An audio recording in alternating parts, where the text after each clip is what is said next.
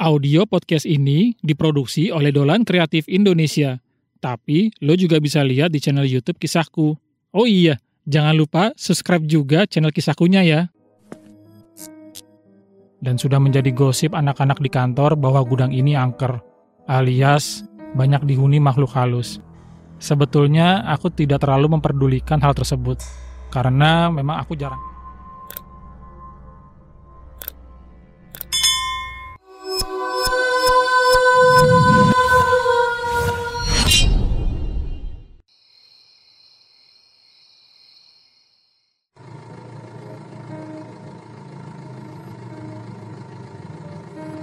Hari itu, aku harus melakukan pengecekan ke gudang milik perusahaanku pada malam hari.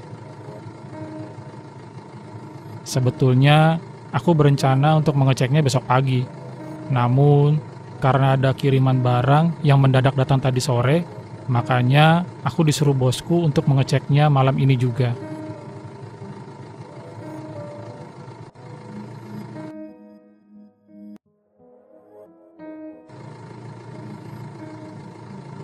Oh iya, biasanya di gudang tersebut ada seorang security yang biasa menjaga.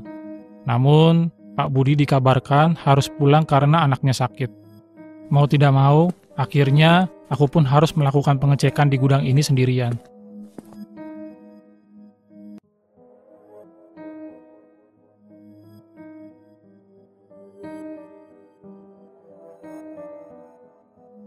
Aku ingat Hari itu aku sampai di gudang sudah jam 12 malam. Seperti biasa, aku melakukan pengecekan terkait stok dan keadaan barang pengiriman yang tiba di gudang kami.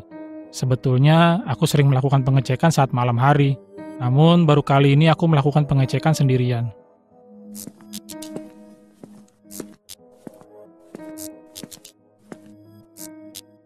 Dan sudah menjadi gosip anak-anak di kantor bahwa gudang ini angker, alias banyak dihuni makhluk halus.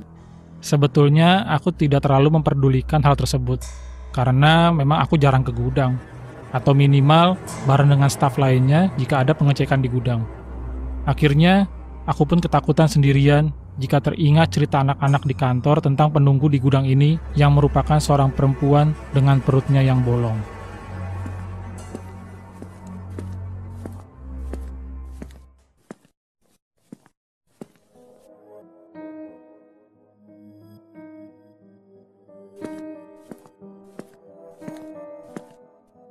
Aku pun mencoba untuk lebih cepat melakukan pengecekan agar bisa cepat pulang.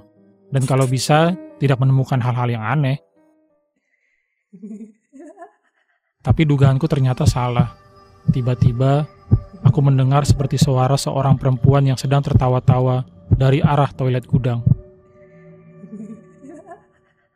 Aku pun langsung merespon suara tersebut dengan perasaan campur aduk sekaligus kaget.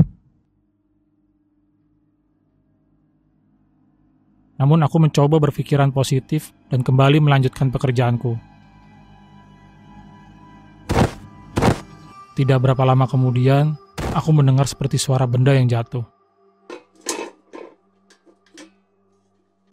Ternyata, suara tersebut berasal dari sebuah ember plastik yang terlempar dari dalam kamar mandi gudang.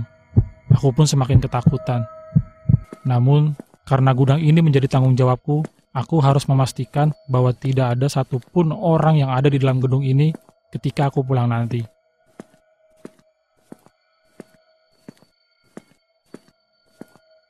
Aku pun mencoba memanggil-manggil apakah memang benar masih ada orang di dalam gedung ini.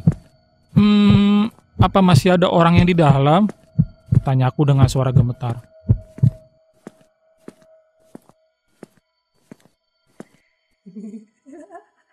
Dan Ketika aku mencoba menghampiri toilet tersebut, tiba-tiba saja aku mendengar kembali suara tertawa dari seorang perempuan.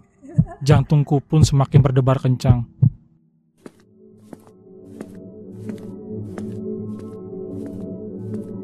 Tapi, apa pun yang terjadi, aku harus memastikan dengan pasti apa yang ada di dalam toilet tersebut.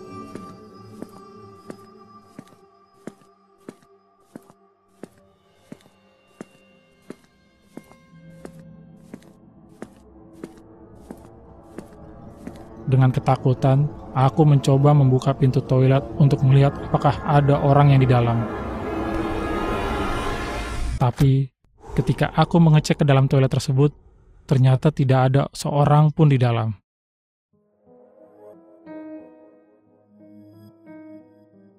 Aku pun sudah selesai melakukan pengecekan dan siap-siap untuk pulang.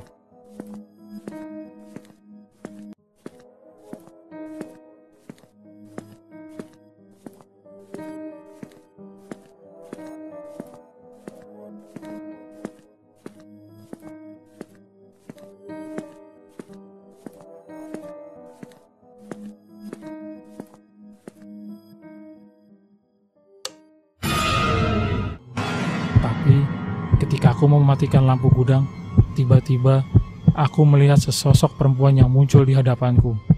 Aku pun buru-buru menyalakan lampu gudang kembali dan sosok tersebut langsung menghilang.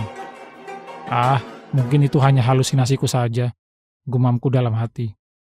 Tapi ketika aku kembali mematikan lampu gudang, sosok itu kembali muncul dan berdiri semakin mendekat di depanku. Aku pun ketakutan sejadi-jadinya. Namun, aku tidak bisa meninggalkan gudang dengan lampu yang menyala karena aku akan mendapatkan denda. Dan jantungku seakan mau copot ketika aku kembali mematikan lampu gudang.